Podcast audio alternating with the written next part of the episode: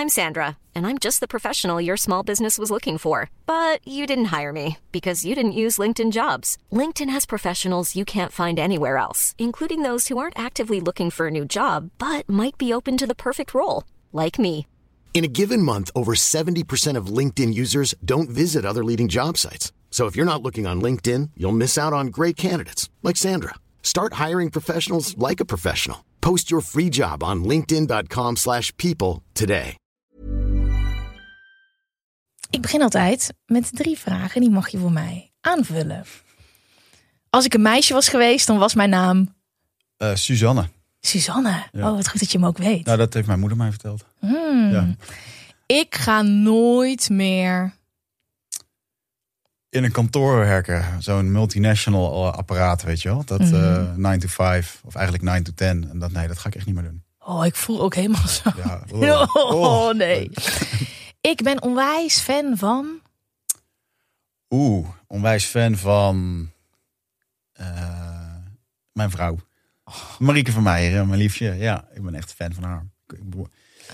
Eh, meer en meer bewonder ik haar voor hetgeen wat ze doet, wie ze is. En eh, ik, zie- ik zie steeds meer wat ik eerst niet zag. Dus dat vind ik heel mooi. Ja. Kan je een voorbeeld noemen wat je nu ziet?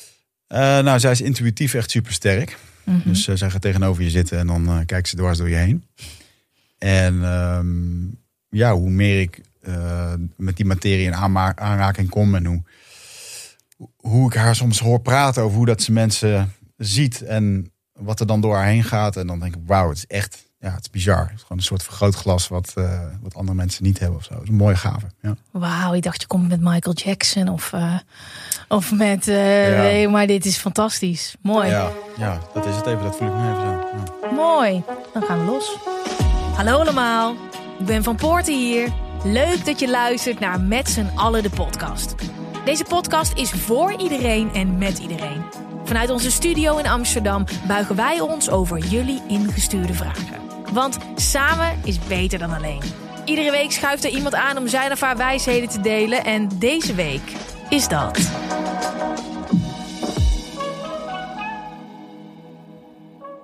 Richard Meerman. Ja, en ik las zo mooi op jouw website. Spreker, podcast, ho- podcast host, auteur en avonturier. Yes. Ja, Ja. maar daar kan je niet echt omheen, hè? Nee, maar het is wel wat ik allerliefste doe. Ja. Dus eh, in januari hoop ik weer drie weken te gaan avonturieren. Ja. Waar ga je dan naartoe? Dan ga ik terug naar eh, Brazilië. En op de grens van Peru en Brazilië om weer eh, drie weken bij een Indianenstam te leven. Ja. Ja, ehm, ik moet denk ik heel even aan onze, aan mijn, onze luisteraars uitleggen hoe dit precies is ontstaan. En waar, dit wilde ik dus al doen, dat staat hier voor mijn neus. En nu hoor ik net van jou dat het verhaal nog eh, breder is dan ik dacht. Maar het verhaal is nog breder. Ja, Want, ja. want je weet, er is iets wat jij waarschijnlijk niet weet. Maar goed, doe, doe, Oh, doe eerst, echt? doe eerst je ding en dan kom ik zo meteen met de cliffhanger. Nou, Casper, Mhm. Casper, Caspers Focus, zoals iedereen die kent, die was hier te gast. En ik heb Casper heel hoog zitten. En hij had op zijn Instagram-account jouw boek gedeeld. Op zoek naar antwoorden.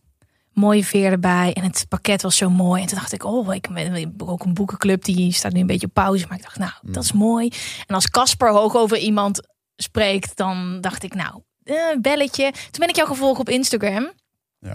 En toen in één keer kreeg ik jouw boek opgestuurd. En toen dacht ik, nou, dit moet echt, dit moet zo zijn. Eh, boek uiteindelijk gaan lezen. Jou uitgenodigd hier in de podcast. Verliefd op het boek. En echt, ik heb je ook tussendoor een berichtje gestuurd. Omdat ik zo aan het smullen was van het boek. Want jij bent de Amazone ingegaan om 40 dagen, hè? uiteindelijk, ayahuasca te doen. Helemaal back to basic. Ik heb ook het gevoel dat ik je al ken, doordat ik je boek natuurlijk heb gelezen. En nu heb ik gewoon de kans om anderhalf uur met jou te praten. Dus ik vind Ja. het heel bijzonder. Ja, mooi. Ja, er is sowieso nog iets wat ons verbindt, eh, wat jij niet weet. Maar Ik- ik heb op een blauwe maandag heb ik lesgegeven. Bij mijn ouders? sportschool. Ik wist het. Luister, gast. Luister. Ik heb dit bij mijn ouders. Nou, ik was op vakantie met mijn ouders. En ik had dit boek. En ik zei, wij kennen hem. Want jij hebt bij Remco Pardoel Ja. eh, eh, getraind. Of die is jouw leraar. Ik zei, kijk eens naar zijn hoofd. Wij kennen hem toch? En mijn vader zei, ja, hij heeft wel echt een heel bekend gezicht. En ik heb ook, had ook het gevoel dat wij elkaar eerder hadden ontmoet. En omdat mijn ouders het ook niet zeker wisten. En ik dacht nog, gaat nog ergens, want jij komt uit Hees. Dat klopt, ja. Maar ik kwam hier dus op omdat ik drie weken geleden tegen een goede vriend van mij, Frans van Kasteren, zei. Die, kent mijn vader ook. Ja, zeker. Ja. Dat ik zei van, joh, ik zit eh, binnenkort eh, bij Gwen van Poort. Hij zo, wist je dat die, die komt uit Uden, hè? Hij zo, maar die ken je wel. Wij hebben, hij, hij gaf daar toen les op maandag, volgens mij Braziliaan Ja. Jiu-Jitsu en MMA. En ik ging toen wel eens mee om mee te assisteren. Dus op een blauwe maandag ben ik daar geweest. Maar dat, dat herkende ik. Ik, ik heb jou volgens mij nog nooit gezien. Behalve Welk jaar was dit? Want ik heb dus het gevoel dat ik jou wel heb eh, gezien daar. Dat is echt, ehm, ja, dan was ik denk ik 18 jaar. Dus praat je gewoon over 20 jaar terug. Ja, maar dan, ik werkte daar gewoon. Hè? Dus ik heb daar Ah. vanaf. Ik ben nu eh, eh, bijna 32. En ik ben daar gewoon. Ik heb daar ook achter de bar gestaan. Altijd. en ja. ook eh, ik altijd getraind. Dus ik heb gewoon een bekend gezicht. En ik weet. Ik, ja, wat. Hilarisch. Maar dit is te grappig. Want ik dacht dus helemaal. Hoe leuk zou het zijn als ik dit bruggetje naar jou kon maken. Met hey, weet je dat. Ik had het helemaal in mijn hoofd dat ik dit zo wilde vragen. Ja. Maar, ik, maar ik, toen mijn ouders zeiden ja, nee, ja, volgens mij niet. Want ik heb dus, ja, had jij ook een pasje of heb je alleen mee lesgegeven? Want jouw naam Nee, kwam me dus ook heel bekend voor. Nee, ik heb gewoon les, mee les gegeven. Ik denk dat ik een paar keer ben geweest om te assisteren met Frans. Want dat was de vaste leraar. En, eh, en op een gegeven moment werkte ik voor Remco Pardoel in de sportschool in Os. Dus was Ja. ik meer daar dan, eh, dan in, in Uden. Wauw. Maar eh, ja, de Yoshida Gang, ja zeker. Ja, Yoshida Sport is de sport van mijn ouders. Ja, ik had dus al zo'n gevoel helemaal toen ik Hees zag. Ja, En je hoort het niet zo heel vaak. Ja, die omgeving is niet zo heel groot. En de sportschool van mijn ouders is natuurlijk... Ja, die zelfs als je zeg maar landelijk kijkt... een van de grootste vechtsportscholen. Ja. Dus ik dacht, is daar een link? Nou, wat grappig. En je vertelt me dus ook net dat... eh, wat ik ook bizar vind... Voordat ik jou was gaan volgen... had je dus al het boek opgestuurd naar mijn management... en die was niet aangekomen. Eh, nee, dat, eh, jij was mij gaan volgen op Instagram. Ehm, ja, volgens mij in de week dat we al die boeken Ja. eruit stuurden. Ja, En toen dacht ik, wow, dat is snel. Maar dat had ik eigenlijk niet verwacht dat dat... Daar, daar klopte iets niet in al voor mij. Toen dacht ik, nou, sowieso tof dat je mij volgt. En op een gegeven moment, een week later, kreeg ik jouw pakket terug. Was niet afgehaald. dus ik echt zo, nou, wat the fuck, weet je. Ik kan naartoe rijden met mijn dochtertje. Echt super grappig. Dus ik met mijn dochtertje daar naartoe. En dat was rond de kerst was dat zelfs, volgens mij. wauw. Nog later. En toen kom ik er, klopte ik er binnen. En toen zat die John van Heuvel zat ook nog in één keer binnen daar. Oh, echt? Super Oh, ja, zo? En, dat, en toen klikte ook in één keer waarom daar een zwarte Mercedes met twee brede gorilla's met, eh met kogelvrije vesten waarschijnlijk in zaten. Ja. Dat was wel grappig. En ik zeg, joh, ik zeg, eh, deze is voor, eh, voor Gwen, kan je die even afgeven? En, en daarna hoorde ik er nooit meer iets van. Dus ik, oh, wacht, ik heb wacht, ik zo. dus ik vroeg Ja. me ook echt af of, want ja, jij bent, een, ik noem jou even toch een bekende Nederlander. Ja. En ik kan me voorstellen dat jij gewoon heel veel shit opgestuurd krijgt. En Ja. dus dan kreeg je ook mijn shit. En toen dacht ik, ja, ja maar ik weet niet wat ze daarmee doen of wat ze daarmee willen. En, maar goed, Ja. het, het was een mooi pakket en het was met Mart gestuurd. Dus eh, ja. Ja, het is heel, heel eh, bijzonder dat dus ik dacht, ik volg jou. En op een gegeven moment, veel later komt dat boek. En het is dus al, nou, ik vind dat bizar. En inderdaad, nou, ook sinds ik die boekenclub had. Ik had even een boekenclub, daar gaan we einde dit jaar weer meer leven in blazen. Maar alle uitgevers denken, holy shit, Ja. zij heeft een boekenclub. Nou, ik kan de hele muur bekleden met boeken. En ik vind dat ook alles wat ik krijg, ben ik zo dankbaar voor. Mm. Maar ik kan, het kan gewoon niet. Ik woon gewoon in Amsterdam, zeg maar. We hebben, we hebben geen tuin met een opslag. Nee. Ik, kan, ik kan het niet allemaal opslaan. Maar ik zag dat dit binnen was gekomen. En toen dacht ik, ja, volgende seizoen. Ehm, maar je moet ook het boek lezen. Dus ik, ik kan niet mensen uitnodigen dat het boek niet is gelezen. En op sommige momenten in mijn leven, dan kan ik gewoon niet. Ja, net als nu ben ik bijna, ja, voor de helft van de gasten zit er wel bijna een boek aan vast. Ja. Eh, en dan wil ik, ja, dat ik wil gewoon dat een eerlijke kans geven. Dus in mijn hoofd was het er al. Volgend seizoen ga je komen. Nu ben je hier. En ik heb je boek gelezen. En het is echt, ja. Het is zo goed geschreven. Het is echt zo goed geschreven. En het is wat ik het liefste lees: een avonturiersverhaal. Gemixt met zelfhulp. Mhm, ja. Want die hard zelfhulp voelt soms een beetje als dat je naar je werk gaat, weet je wel? Ja. Dat, je, dat je iets gaat lezen en dat je denkt, nou, voordat ik naar bed ga, die gaan we toch even niet doen. En dit was echt, nou, eh, ik heb je ook tussendoor een berichtje gestuurd. We gaan zo meteen lekker helemaal los. Ik wil alles weten over je avonturen. Voor iedereen die vragen heeft ingestuurd. Jullie weten natuurlijk helemaal niet dat hij hier is. Jullie hebben misschien het boek ook nog niet gelezen. Dus ik heb een aantal vragen die over spiritualiteit zijn eruit gefilterd. Die pompen er soms een beetje random doorheen. Maar verder is het gewoon het verhaal van Wigert. Ehm, en geloof me, maak je borst maar nat, want het wordt echt lijp. Eh, ja, het wordt echt lijp. Eh, ja, jij doet natuurlijk ook Eindbazen, de podcast. En dus, Ja. ja. ik zag ook dat er nog een uitnodiging in zat, toch? Ja, zeker. Nou, normaal is het dus eigenlijk zo dat gasten eerst bij ons komen. Ja. Eh, want ik doe het samen met Michel. Eh doen we nu bijna acht jaar al, volgens mij. Mhm. Wij waren gewoon fan van Joe Rogan en wij dachten, dat is vet, dat gaan we doen. En, ehm, en eigenlijk tot op, van- tot op de dag van vandaag heb ik nog geen andere podcast gevonden die die vibe ook een beetje kan hebben in Nederland. Mhm. En eh, dus wij praten gewoon daarover. En wij waren de eerste die gewoon over. Nou, ik denk dat wij sowieso de eerste waren met dat format.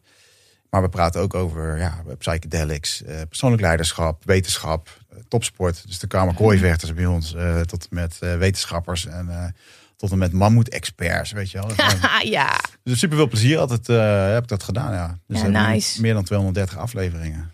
En je bent ook een grote spreker, want het verhaal wat jij in je boek deelt, daar spreek je ook over, toch? Ja, dat, nou, ik had dus de afgelopen jaren echt ingezet om professioneel spreker te worden. Ja. Dat ging heel erg goed. Eh totdat we niet meer op het podium mochten staan. Ja. Dus toen was mijn agenda in één keer leeggeveegd. Maar inderdaad, ik, eh, ik praat eigenlijk over persoonlijk leiderschap en mijn avonturen bij uh, inheemse Indianenstammen. En mijn leven. Ehm, ja, bij scholen, bedrijven, universiteiten. En eh, super tof. Ik heb vandaag toevallig een uitnodiging, een voorzichtige uitnodiging van Nijenrode Universiteit gehad. Hoe cool is dat? Oh. Omdat het toch over ehm, een bepaalde tak van persoonlijk leiderschap gaat. Conscious leadership. Je, Het Mhm. gaat ook gewoon over spiritualiteit. En, en dat is wel wat, wat de wereld nu echt eh, hard nodig heeft. Merk je ook niet heel erg dat er een shift is, dat het allemaal meer bespreekbaar is, dat mensen, eh, als ik kijk naar meditatie, de, het wetenschappelijke onderzoek, dat ligt daar, waardoor in één keer hele andere mensen daarin geïnteresseerd raken en dan eerst heel mindful bezig zijn en dan toch wel merken, hé, hey, er zit ook meer spiritualiteit achter. Dat mensen echt aan het ontdekken zijn, omdat het ook meer mainstream is. Dat denk ik wel. Ik denk ook dat, dat het altijd al is geweest. Maar dat, dat er maar weinig sprekers zijn die op die knop duwen. Want vaak wordt men gehuurd voor een bedrijf. Ja, en wie gaat er nou straks, als hij bij Unilever mag praten, over ayahuasca praten? En dat is het grote grap. Als je mij boekt voor een lezing, staat er niks over ayahuasca. Heb je maar in de lezing, gaat het bijna alleen maar daarover. En, en, en dan is het natuurlijk wel mijn, eh, de truc en de kunst geworden om, om juist diepe levenslessen te vertellen. Eh, waarbij ayahuasca mij ontzettend heeft geholpen. En waarbij je een oordeel mag hebben over ayahuasca, maar niet over de uitkomst of over. En die, die momenten dat het, dat het mensen echt raakt in hun eigen stuk. Met eh, de relatie met hun ouders, met hun broer, met zichzelf, met hun partner. Ja, dat, dat is gewoon universeel. En, en ik denk dat dat, dat hele kwetsbare, en je hebt- dat heb ik ook echt proberen te beschrijven in dat boek. Ja, gewoon met de billen bloot en eh, over hoe ik me voelde. En dat heb ik nooit gedaan in mijn leven, dus dat vond ik sowieso wel moeilijk. Oh. Maar dat geeft de herkenning en de eerlijkheid, waardoor mensen denken van ja, eh, oké, die gast heeft wel rare dingen gedaan, maar hij heeft wel, eh, hij heeft wel gelijk. Ja, maar dat is het dus ook. Dat, dat is ook. Dat ayahuasca, ik heb het nog niet gedaan. Ik ga het sowieso doen op het juiste moment dat het daar is. Ehm, ook misschien omdat ik ook wel heel erg voel dat dit gaat gewoon echt shit met me doen. Dus ik wil daar ruimte voor hebben in mijn leven, weet je wel? Dat je Ja. gewoon in ieder geval ruimte reserveert. Wat het ook teweeg gaat brengen. Maar als ik het. Het was niet hocus pocus. Terwijl het wel hocus pocus was. Snap je? Je beschrijft het heel nuchter wat het met jou doet. Omdat de lessen die je beschrijft. We gaan zo meteen, jongens, als je denkt, ik ben, waar heb je het over? We gaan helemaal bij het begin beginnen. Ehm, maar de lessen die je beschrijft zijn lessen die je na jaren met je psycholoog kan bespreken, weet je wel? Dat het is allemaal persoonlijke groei en ontwikkeling op een hele nuchtere manier. Maar je bent het wel aan het doen tijdens je ayahuasca-sessies. Ja. Dus dat, dat, ik denk, ja, je kan er niet omheen. Dit is gewoon, nou, oké, ik ben fan. We gaan even naar de huishoudelijke mededelingen, zodat we gewoon kunnen beginnen bij het begin. Want ehm, ik heb natuurlijk heel erg veel vragen. Ik heb heel je boek volgeschreven met vragen en vraagtekens Mooi. en markeerstiften. Eh, en dat staat hier allemaal voor me. Maar eerst even naar de huishoudelijke mededelingen. Want wij worden gesponsord door Best Secret. Bestsecret.nl. En dan denk je, ja, ik ben dus hartstikke leuk. Maar waarom moet ik daar naartoe? Omdat ze de mooiste, leukste modemerken hebben. Onder andere Gunny, dat weten jullie dat ik daar fan van ben. En American Vintage. Ehm, en als je daar naartoe wil, dat is een beetje lullig, het is ook echt een geheim. Je kan er niet zomaar op. Maar ik heb een link voor jullie. Dat is www.bestsecret.nl slash met z'n allen. Dan kan je erop, dan kan je shoppen, kan je shoppen met dikke korting. En als je dan daarin zit, kan je één vriend of vriendin uitnodigen. En als die vriend of vriendin gaat shoppen, krijg je ook weer punten, kan je ook weer korting krijgen daarop. Bam, bam, bam, dat is dubbel winnen. En ik wil Best Secret even bedanken dat ze deze aflevering sponsoren. Dankjewel, jongens. Ehm, we gaan los. oh ja, en ook nog even, alsjeblieft, volg het met z'n allen de podcast op Instagram. Want er zit zoveel energie. En we zijn echt aan het doorpakken met ons Instagram-account. En echt waarde aan het bieden. En we gaan dieper op de afleveringen in. Ook deze aflevering, er komt een punt waar we dieper op ingaan. Maar volg ons Instagram-account. Dat is het enige wat ik wil zeggen. Daar krijg je geen spijt van. Oké, we gaan los. Um, met nee, z'n allen ayahuasca. Met z'n allen ayahuasca. ja. Dat is een goede Moeten we een disclaimer geven? Is er, want is er een disclaimer die je geeft in je Nou, boek voor iedereen die ik- nu ik- luistert? Ik, loop, ik loop er nu heel erg. Ik doe er een beetje een soort van eh lachen over. Eh, maar het is natuurlijk een heel serieus middel. Eh, daar ga ik je zo meteen alles over vertellen. Ehm, en het is zeker niet voor iedereen. En als je nou vraagt van, joh, weer het, maar ja, waarom doe je het dan? Ja, voor mij is dit gewoon echt het pad. Mhm. Voor mij is dit op een gegeven moment in mijn leven gekomen. Ehm, waardoor ik weet dat ik dit tot voor de rest van mijn leven ga doen. En Ja. ehm, er zijn heel veel haken en ogen waarom je het niet moet doen. En op het moment dat je op dit moment in op een mindere fijne plek in je leven bent, dan adviseer ik je ook eigenlijk gewoon om het niet te doen. Mhm. Ehm, weet je, en eh, op het moment dat je een keertje aan- toe bent aan een bepaalde verbreding, of, eh, dan zou je het voor jezelf eens kunnen kijken.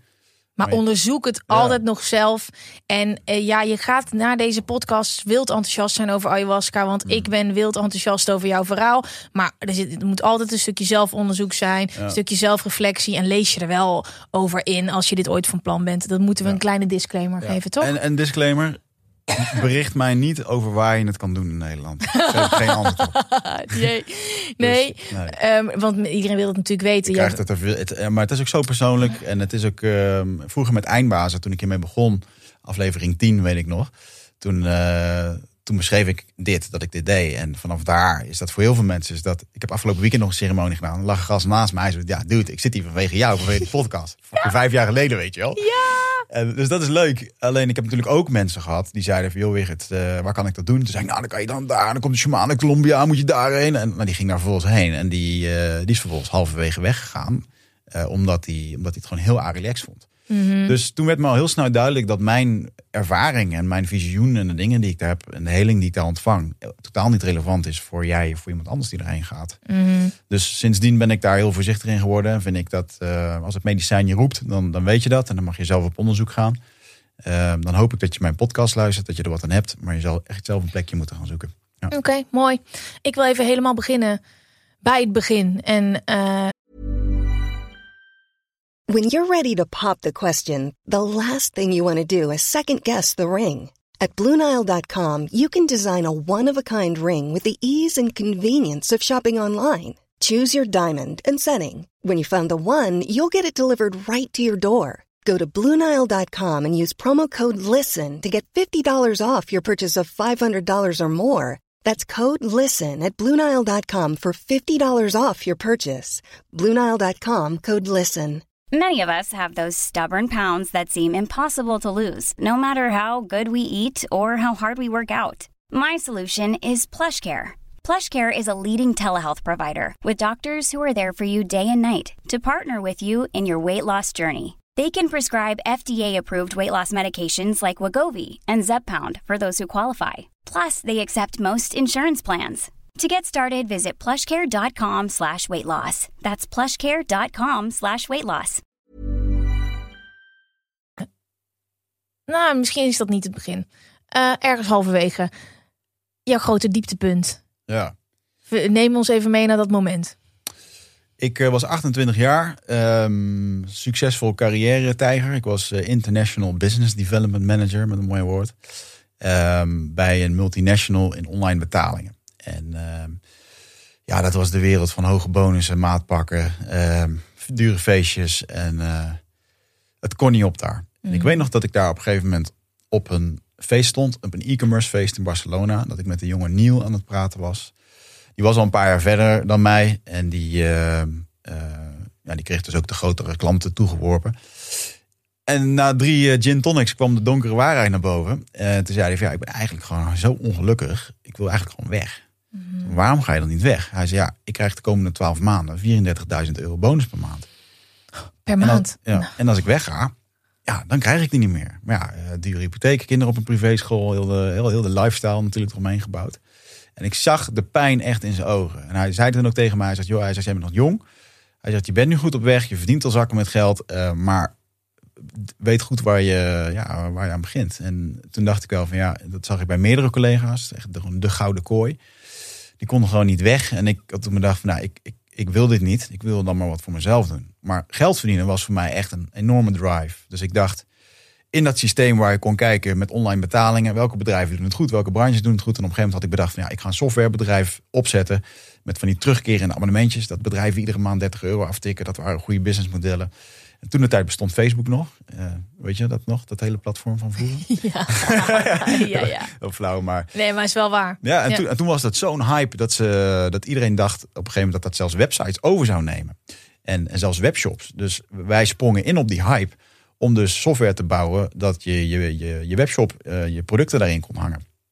Ik investeerde gezocht, uh, mijn baan opgezegd en uh, van start, weet je wel. En ja, dat was gewoon met het idee, wij gaan gewoon de eerste zijn in Europa. Dat wordt succesvol. Dan komen ze in Amerika, op een gegeven moment zijn ze daar klaar. Dan komen ze hier naartoe. En wie kopen ze dan op? Ja, ons. En dan ben ik klaar. Mm -hmm. Dat was de strategie en de intentie van dat. En um, nou die binnen twee maanden zou het live moeten zijn. Dat werd drie maanden, vier maanden, vijf maanden, negen maanden, twaalf maanden hadden we nog steeds geen product dat live kon. En uh, we hadden nog niks verkocht. En ja, we konden wel een beetje sales doen, maar het schoot gewoon niet echt op. Het ging gewoon moeilijk. En ik moet ook heel eerlijk zeggen, de, de, de barre realiteit van ondernemen, die sloeg mij echt hard in mijn gezicht. Want normaliter uh, kwam ik op vrijdagmiddag binnen met mijn dikke Audi die ik van de zaak had getekende contracten, die flikker ik over de, over de, de, de, customer service en die handelde dat verder af, weet je wel. En nu moest ik alles zelf doen. En je betaalt in één keer zelf de rekeningen en uh, ik vond het heel moeilijk. Mhm.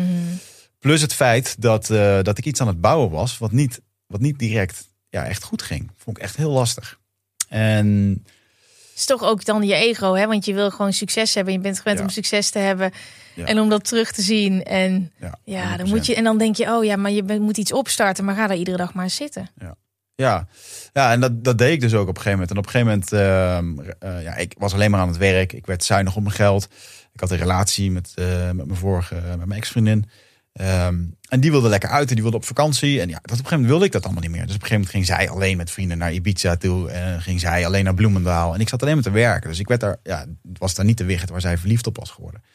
Dus zij maakte het op een gegeven moment uit. En dat was voor mij echt een moment van fuck. ehm, ja, shit. Maar dat, dat, dat huis wat we nu hebben, van drie verdiepingen en een tuin eromheen, wat ik, hè, dat had ik gehuurd op mijn oude salaris, was echt een soort van statusding voor mij. Oh wauw, ja. En ja, dan gaat het uit. En op een gegeven moment maak je dan de conclusie van ja, nou, oké, maar dan moeten we uit elkaar. Wie blijft hier dan wonen? Ja, ik kon daar dus niet blijven wonen. Echt gewoon, eh, van mijn ego vond dat verschrikkelijk.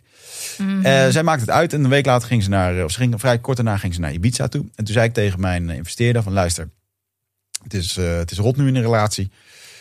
Ik ga niet bij mijn moeder wonen, want dan ben ik vier uur per dag aan het reizen. Ehm, zij komt straks terug en dan wil ik eigenlijk niet bij haar zijn. Ik wil haar even die space geven. Ehm, dat had ik dan gelezen van die spirituele boeken, dat je dat dan moet doen, dat dat het beste is. Ehm, en toen heb ik tegen mijn investeerder gezegd: van, Zou je het goed vinden als ik hier blijf eh, slapen op kantoor? En dat deed ik omdat het een vrij luxe kantoor was, waar ook een badkamer en een wc was. Want als Nederlands bedrijf, als je een jongen in een rolstoel hebt zitten, eh, als die daar werkt, dan moet je een aparte badkamer voor hebben. Die was er. En dat werd helemaal mooi weggemoffeld achter bij de jassen. Er ging ook eigenlijk nooit iemand naartoe, behalve hij met zijn rolstoel. Dus in zo'n tussengehalletje en in de wc en de douche, ja, dat was even een beetje mijn plek. En hij zei, ja, voor een week prima. Nou, na een week had ik natuurlijk zoiets van, nou, mijn vriendin komt terug en die, en die, die, ja, die heeft mij gemist. En die, we gaan het weer proberen. Nou, dat, dat werd drie weken, dat werd drie maanden. Op een gegeven moment ja, was dat gewoon nee. En, en ik had gewoon zoiets van, ja, ik zei letterlijk nog tegen, tegen mijn investeerder van, luister, ik heb eigenlijk helemaal geen zin hierin. Ik ga gewoon, laat mij gewoon mijn energie geven op dit werk. Dit moet nu gewoon gaan lukken, weet je wel. Ja.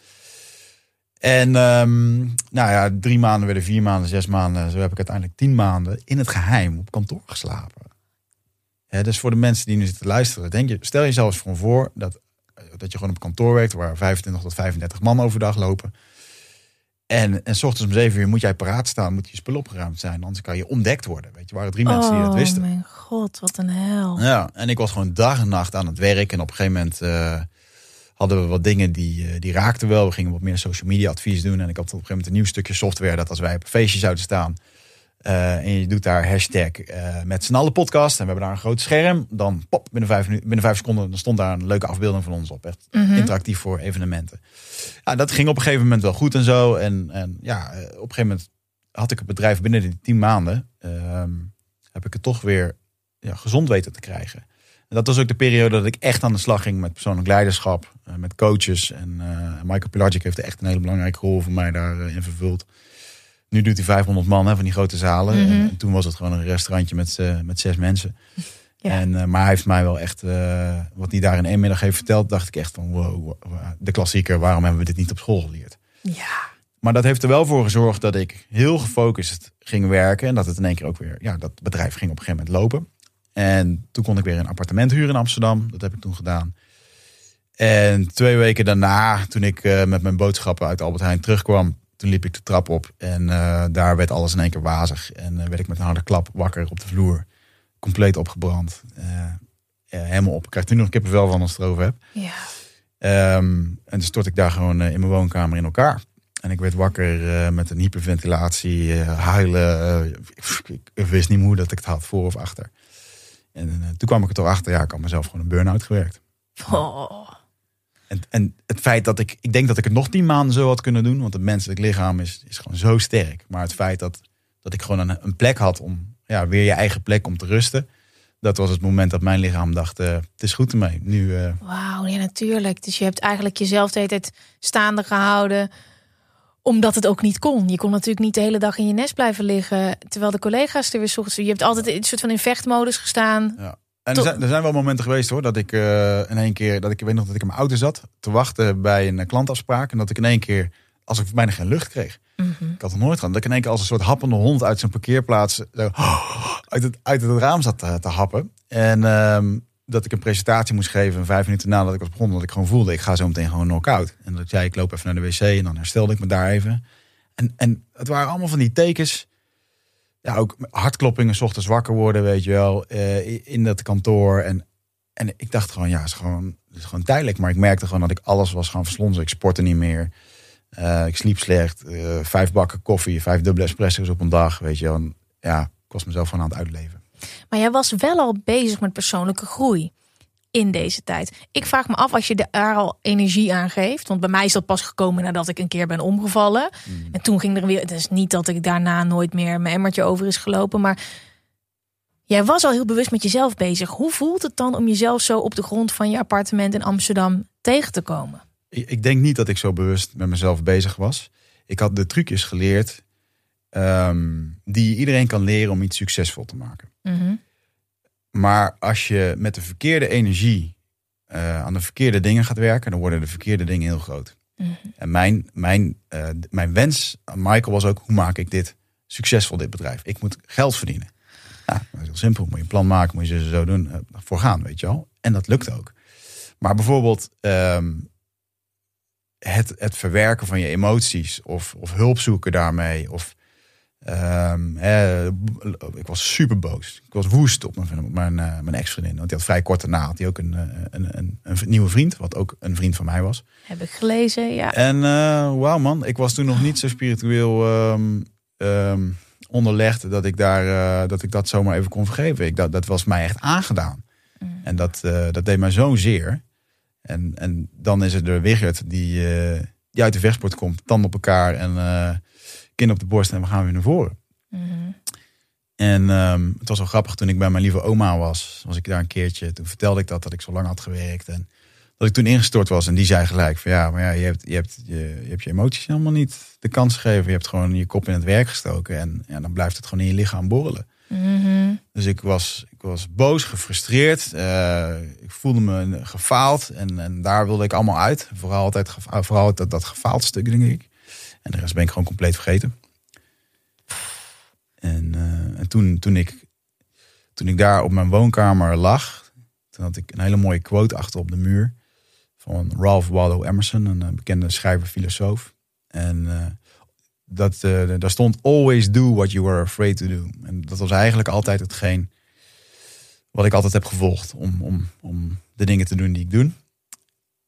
En ik weet nog dat dat heel erg binnenkwam dat ik toen dacht van ja, fuck man, heb ik nou gewoon een burn-out? Ik dacht echt, dat is voor mietjes, het gebeurt mij niet, weet je wel. Ja. Ik was ook zoveel gewaarschuwd door de mensen die, eh, ja, die me toch wel van de zijlijn zagen. Van, joh, wat je aan het doen bent, eh, is niet goed. Mhm. eh, en dat was het ook niet. Dus die rekening heb ik toen gekregen. En hoe pak je dan door? Wat is, de, wat is het eerste waar je aan dacht? Ja, ik voelde dus ehm, de druk van de investering heel erg op me. Ik had veel geld opgehaald. En dat hing echt als een zak goud eh, om mijn schouders heen. En mijn investeerders zeiden de hele tijd van ja, ja, de meeste bedrijven maken geen, eh, geen winst na drie jaar. Net een jaar bezig, waar heb je het over? Maar ik vond het verschrikkelijk, jongen. Dat die, die put die raakte iedere keer leger. Dan moest ik weer bijvragen. Ik moest me iedere maandagochtend moest ik me verantwoorden over. En zo voelde dat dan. Hè. Zo was dat ergens wel, maar niet voor hem. Nee. En iedere ochtend stond ik, net zoals hier met zo'n tv-scherm, te vertellen hoeveel we weer verlies hadden gemaakt. En het nog steeds niet lukte. En oh, ik vond dat verschrikkelijk. Echt een knoop van in mijn maag kreeg ik ervan. En uh, dat had ik natuurlijk ook al weken. Maar ja, dat was wel het eerste wat ik moest doen. Gewoon met de billen bloot naar mijn investeerder. En uh, gelukkig had ik tien maanden lang zo hard gewerkt dat er genoeg sales in de pijpleiding zat. Dus toen hebben, heeft hij ook gewoon gezegd van nou, focus je gewoon op wat er nu is. Uh, jouw gezondheid is nu de prio. Komt al goed. En uh, neem gewoon je tijd. En ja, toen kwam ik er gewoon achter dat je niet 24 uur per dag kan ondernemen. Dat je je e-mail niet altijd moet kijken. Ik hoor jou vaak met je luisteraars over de telefoonverslaving, dat soort dingen. Ja, die, mm -hmm. die zat er bij mij ook gewoon in. Plus, um, wanneer is het goed genoeg? Ja. En dat is een dingetje, daar, daar kom ik nu nog steeds tegen. Ik wil alles gewoon maximaal doen. Ja, en als jij een soort nieuw Google wil bouwen en het, uh, dat, dat wordt het niet, dan, uh, dan, dan is dat heel. Ja, iedere dag loop je dus tegen je eigen falen of mislukking aan. Mm. Ik was echt bikkelhard voor mezelf daarin. Ja. En uh, nou, dan gaandeweg uh, werden we ook een soort van social media adviesbureau. Dat vond ik ook niet zo leuk. Dus ik, eigenlijk, dat deed ik omdat het geld opleverde. En uiteindelijk, toen ik weer begon na tien maanden en weer een beetje aan het herstellen was. En vaak in het uh, Erasmuspark in Amsterdam had gelegen met mijn yogamatje en met mijn boeken. Ja, toen, toen kwam ik er wel echt achter. Toen ik weer in mijn Excelletjes begon. Van nou, ik moet weer straks het volgende jaar de plannen gaan presenteren. Toen werd ik gewoon niet lekker. Ja. En toen dacht ik echt, ja, ik heb gewoon een apparaat gecreëerd zelf, um, waar ik zelf ongelukkig van word en waar mijn investeerder bij gediend is. En um, ja, op een gegeven moment, um, ja, dat vond ik doodeng, want dat was natuurlijk een dik schuld in het bedrijf van die investering. het liep nog niet en uh, meneer Meerman die wilde in één keer weer weg. Ja, dat, dat, ja, dat vond ik heel lastig. Zo, dat snap ik. Vooral ook omdat je zo aan het pleasen bent en echt iets hebt gecreëerd. Ja. En dan in één keer is het klaar. Maar dan, je wist gewoon, je ging daar zitten en je die soort van die, die muur waar je tegenop liep, je voelde ook dit, mijn werk, dat is ook zo'n muur. Ja. Het is gewoon klaar. Ik weet nog dat ik op een gegeven moment met mijn, uh, toen kreeg ik net iets met Marieke, mijn huidige partner. En uh, nou, zo mooi is dat zij kan voelen en zien, stelde ze mij een hele goede vraag, die ik ook echt voor de luisteraars echt mee wil geven. Toen zei ze tegen mij, Weert, hoe wil je je volgend jaar voelen? Ik zeg, nou, als het kantoor van Zoetermeer naar Amsterdam gaat, uh, er meer omzet komt, meer winst, neem een assistent en wat meer klanten, dan komt het goed, kan ik mezelf een beetje vrij spelen. Zeg, keek me aan, bleef gewoon stil. En ze vroeg het nog een keer, van, joh, hoe wil je je volgend jaar voelen? Nou, dan nam ik toen een minuutje de tijd over om na te denken. Ik zeg, ja, gelukkig, gezond, geen stress. Zei ze, wat is dan het eerste wat je moet doen? Ik zeg, dan moet ik dat fucking bedrijf verkopen. En, en ja, dat is zo'n ander antwoord. En ik, anders had ik gewoon, had ik haar niet gehad, dan had ik nog steeds gewoon in die molen meegegaan om het allemaal weer te redden voor iedereen. En um, vond ik wel echt heel lastig. En vaak voor, voor dit soort lastige beslissingen raadpleeg ik dan toch mijn favoriete uh, gids hierin. En dat is het plantmedicijn ayahuasca. En dat had jij ook al wel eerder ja. gedaan, toch? In de jaren daarvoor? Ja, had ik inderdaad eerder. Nou, door het podcast, door de Joe Rogan podcast, had je Albert ja. Marcus. Dat was ook zo'n spirituele avonturier. Die ging dat uh, in Peru doen met zijn moeder. En uh, echt een bizar verhaal. En ik, het greep mij van het moment dat hij het daar had over shamanen met een of andere eeuwoude drank. Waarvan niemand eigenlijk weet waar het vandaan komt. En dat je visioenen krijgt. En hij had allemaal spirituele ervaringen. Maar hij was gewoon tough dude, weet je wel. Uh, vechtsporter, krachtsporter, tatoeages. ja, gewoon tof, zou ik mee kunnen hangen, weet je wel. Ja. En dus dat, uh, dat vond ik heel interessant. En over um, ja, dat er gewoon zoveel is wat wij niet kunnen zien. Ik bedoel, mm -hmm. infrarood kunnen we niet zien, wifi kunnen we niet zien, hondenfluitjes kunnen we niet horen, maar het is er allemaal wel. Mm -hmm. Dus, um, en, en ik, ik, was wel uh, veel met drugs bezig, maar meer uh, ja, omdat ik dan vooral vanuit die multinational 80 uur per week werkte. En het weekend compleet naar de kloten ging om even te kunnen ontspannen. Mm -hmm. um, dat was ook eigenlijk een hele rare gewaarwording. Besefte ik toen pas later. Maar goed, um, vanuit dat oogpunt, ik hoorde die podcast en dacht, ja, dit is vet. En drie maanden later zat ik in Nederland bij een Peruaanse shamaan die aan het rondreizen was. En ik weet nog dat ik daar kwam. En er zaten echt allemaal, in mijn woorden, toen op dat moment, zaten echt allemaal hippies. Maar ik dacht echt, wat de fuck doe ik hier? Allemaal witte kleden, kettingjes, kristalletjes bij, allemaal die dingetjes. En die begonnen daar hun intentie eh, te delen. Van ja, ik ben hier voor zelfliefde, ik ben hier voor uh, dingen loslaten. En, en ik kwam daar eigenlijk voor, voor de naam van mijn bedrijf. Dus ik ging echt heel erg buiten de boot vallen daar. En die, dat, die talking stick kwam dichterbij, weet je wel. En op een gegeven moment, uh, twee mensen voor mij bedacht ik... oh ja, mijn vader die is ook nog overleden. Nou, dan kan ik gooi ik tafel op. Dus ik zei, nou, ik ben hier eigenlijk voor, uh, ja, voor de naam van mijn bedrijf. Maar ook, ja, mijn vader is twee maanden na mijn geboorte overleden. En uh, als ik een teken van hem zou kunnen krijgen, dan zou het mooi zijn. En toen gaf ik hem door. Nou, dan was ik mooi weer weggekomen bij de Precies, groep. Past ja. mooi erin. Ja. En vervolgens eh, kreeg ik de naam van mijn bedrijf. Kreeg ik binnen vijf minuten eh, in mijn schoot geworpen. Dat werd Easier toen. Dat was het, eh, het softwarebedrijf. En toen heb ik daarna acht uur lang een gesprek gehad met mijn overleden vader. Ja. Waar die, ja, kan ik nu nog emotioneel van worden. Ja. En ehm, die, heeft, eh, die heeft mij gewoon toen opnieuw ehm, opgevoed. En ook gewoon daar gezegd van, joh, Wigert, wat jij allemaal in, in het weekend doet. Kap ermee. Het is gewoon niet goed. Het is gewoon niet oké. Zoals een vader dat ook zou zeggen tegen zijn zoon. En ehm, ja, dat, ah, dat, dat brak zo'n blok beton van mij af om me heen. Wat ik om me heen had gebouwd. Want daar kwam ook dat, eh dat pitbull gedrag vandaan. Om overal je tanden in vast te bijten. En alles succesvol te maken. En in de topsport eh, ja, wedstrijden vechten doen. En, en altijd maar doortrainen, overtrainen. En ook weer die mat op, EK's, WK's. En ja, dat was gewoon... Dat deed ik eigenlijk alleen maar het liefste. Om dan woensdag weer terug te komen op de sportschool. En dat, eh, dat Remco, Remco, mijn trainer... Dat, eh, dan, had ik een wedstrijden gehad en nam ik even een paar dagen rust. En dan kwam ik op woensdag bij de training. En dat ik dan gewoon eventjes naar voren werd geroepen. En jongens, weer het heeft dit weekend weer dit gewonnen of wat dan ook. En dan kreeg ik mijn applaus. En dat, dat vervulde mijn hart. Weet je wel. Dat was wat ik gewoon wilde. En dat is gewoon erkenning. Het is mooi hoe je dat zo kan zeggen. Want eh, dit zijn dingen waar mensen zich. Nou, misschien zijn ze zich ervan bewust, maar niet per se Ja. dat, het, eh, dat het fout is. Maar de- dit, dit zo erkennen en dit zo voelen en zien van fuck. Ja, Maar je kan dus ook, hè, want we gaan zo meteen door naar afle- of het tweede gedeelte van de aflevering. Ehm, jij komt daar als redelijk nuchtere gast, geïnteresseerd geraakt in ayahuasca door een podcast die wereldwijd super vaak beluisterd wordt. Jij komt daar als een type dat daar helemaal niet tussen past. Je, even last minute zeg je nou trouwens mijn vader om er een beetje bij te horen. En dan krijg je dit voor je kiezen. Ja. En dan zit je daarna in de auto terug naar huis. Wat, Ja. wat gebeurt er dan met je? ik had drie avonden geboekt volgens mij. Of twee avonden. Maar ik had echt die avond... eh, eh, ja, ik, ik had... Ja, dat was ik. Eén avond heb ik overgeslagen toen nog. Want ik, ik, ik, had, ik had alle heling gehad die ik nodig had. Voelde zo compleet. En ook... ehm, eh, ja, de, nou, daar komen misschien straks nog wel ook op de relatie met mijn broer. Daar had eh, mijn vader ook wel wat over. Mijn broer die, eh, die heeft wel wat mentale uitdagingen. Ook in het gezin meegebracht. Dus van mijn tiende tot mijn 21ste heb ik in een huishouden gewoond. Waar gewoon dagelijks fysiek, verbaal, emotioneel, materieel geweld was. En Waarbij ik in de hoogtijdagen ja, eh, mijn broer vier keer per maand aan de politie heb overgedragen. Eh, omdat hij in een psychose zat. Dat bleek achteraf. Wisten wij niet. En ik heb hem gewoon tien jaar lang eh, resoluut uit mijn leven geschrapt. Nadat dat gebeurd was met die vier keer politie en nog een hoop ellende, heb ik echt gezegd van ik, ik wil geen contact meer mee.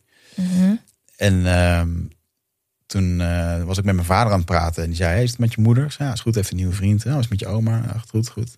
En ik voelde al van shit, het gaat nu richting mijn broer.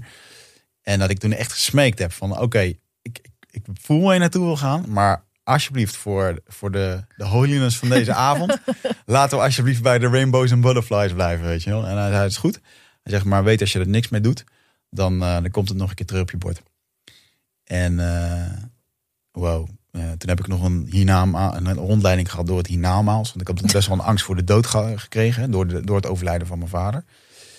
En ehm, ja, wauw man, dat, dat, dat kon ik ook in één keer gewoon veel rustiger in, in varen. Maar hoe kon je dit aan jezelf verklaren? Want je vertelt het hier Ja, alsof niet. je op een fucking theekrantje bent. Ja. En het is gewoon, je, zit, eh, je hebt gewoon je vader die, eh, die er niet meer is al heel lang. Daar zit je gewoon een gesprek mee te voeren. Ik krijg even een rondleiding door het hiernamaals, waardoor ik minder bang ben voor de dood. En dan is dit je eerste eh, ayahuasca-ceremonie. Ja. En toen reed ik dus inderdaad naar huis. En toen, toen kwam inderdaad ook wel mijn criticus naar boven. Ja, heb ik nu een druk zitten gebruiken? En, en er zijn nu, van de luisteraars, er zullen nu twee kampen zijn. Eén kamp zegt, Wigert, je hebt gewoon iets gebruikt, een psychedelica. En dat logisch, dat ligt ergens bij jouw gevoelens. Hè? Al die dingen die je daar hebt, trauma of en dingen. En dat ligt dan aan de oppervlakte, komt dan naar boven. Logisch. Mhm. Eh, en je brein maakt dat op. Prima. En dan heb je natuurlijk de andere kant die zegt van ja, misschien is het wel zo dat als je die ayahuasca drinkt, dat je in één keer in een wereld kan tappen. Die er altijd is, maar die we dus met het blote oog niet kunnen zien. En dat is ook wel de visie en de wijze van, van de Indianen en de shamanen. Ehm, dat er gewoon heel veel niet zichtbaar is. En dan kunnen mensen denken van ja, zweverig gedoe. Ja, zweverig gedoe. Als jij straks op een verjaardag zit en Gwen die komt thuis omdat ze net, of die Gwen die komt binnen en die heeft net fucking ruzie gehad met de partner of wat dan ook. Ja, dan voel je dat er een ander iemand binnenkomt, weet je wel. Gewoon de energie, die is belangrijk. Ja. Of, of wat jij überhaupt online al doet met Instagram. De vibe die je meegeeft, dat voelen mensen. En, en, en dat is toch, toch een energie. Mhm. Ja, we, we gaan zo meteen eh, in de volgende aflevering Naar de Amazone. naar de Amazone. Want jij, er, er gebeurde daar iets, maar zoveel dat jij dacht: hé, hey, dit gaan we goed aanpakken. Ik ga gewoon 40 dagen naar de Amazone om iedere dag, en dit vind ik mooi om te zeggen, niet ayahuasca, maar plantmedicijn te gebruiken. Nou jongens, eh, we, we gaan het bespreken in de volgende aflevering. Eh, tot dan. Gewoon, hij heeft, ik, ik keek gewoon door de ogen van iemand in een psychose. De een gaat naar de GGD of naar een, eh, coach of een psycholoog als die antwoorden wil krijgen. En jij denkt, ik duik gewoon de Amazone in. Zijn tegen mij zei, Wigert, wat je nu doet is niet oké. Je bent het aan het misbruiken. Vanavond krijg je helemaal niks. Het enige wat jij moet doen is rusten. En ik had gewoon ondervonden dat het harde werken en het geld verdienen het niet was. En ja, wat dan wel?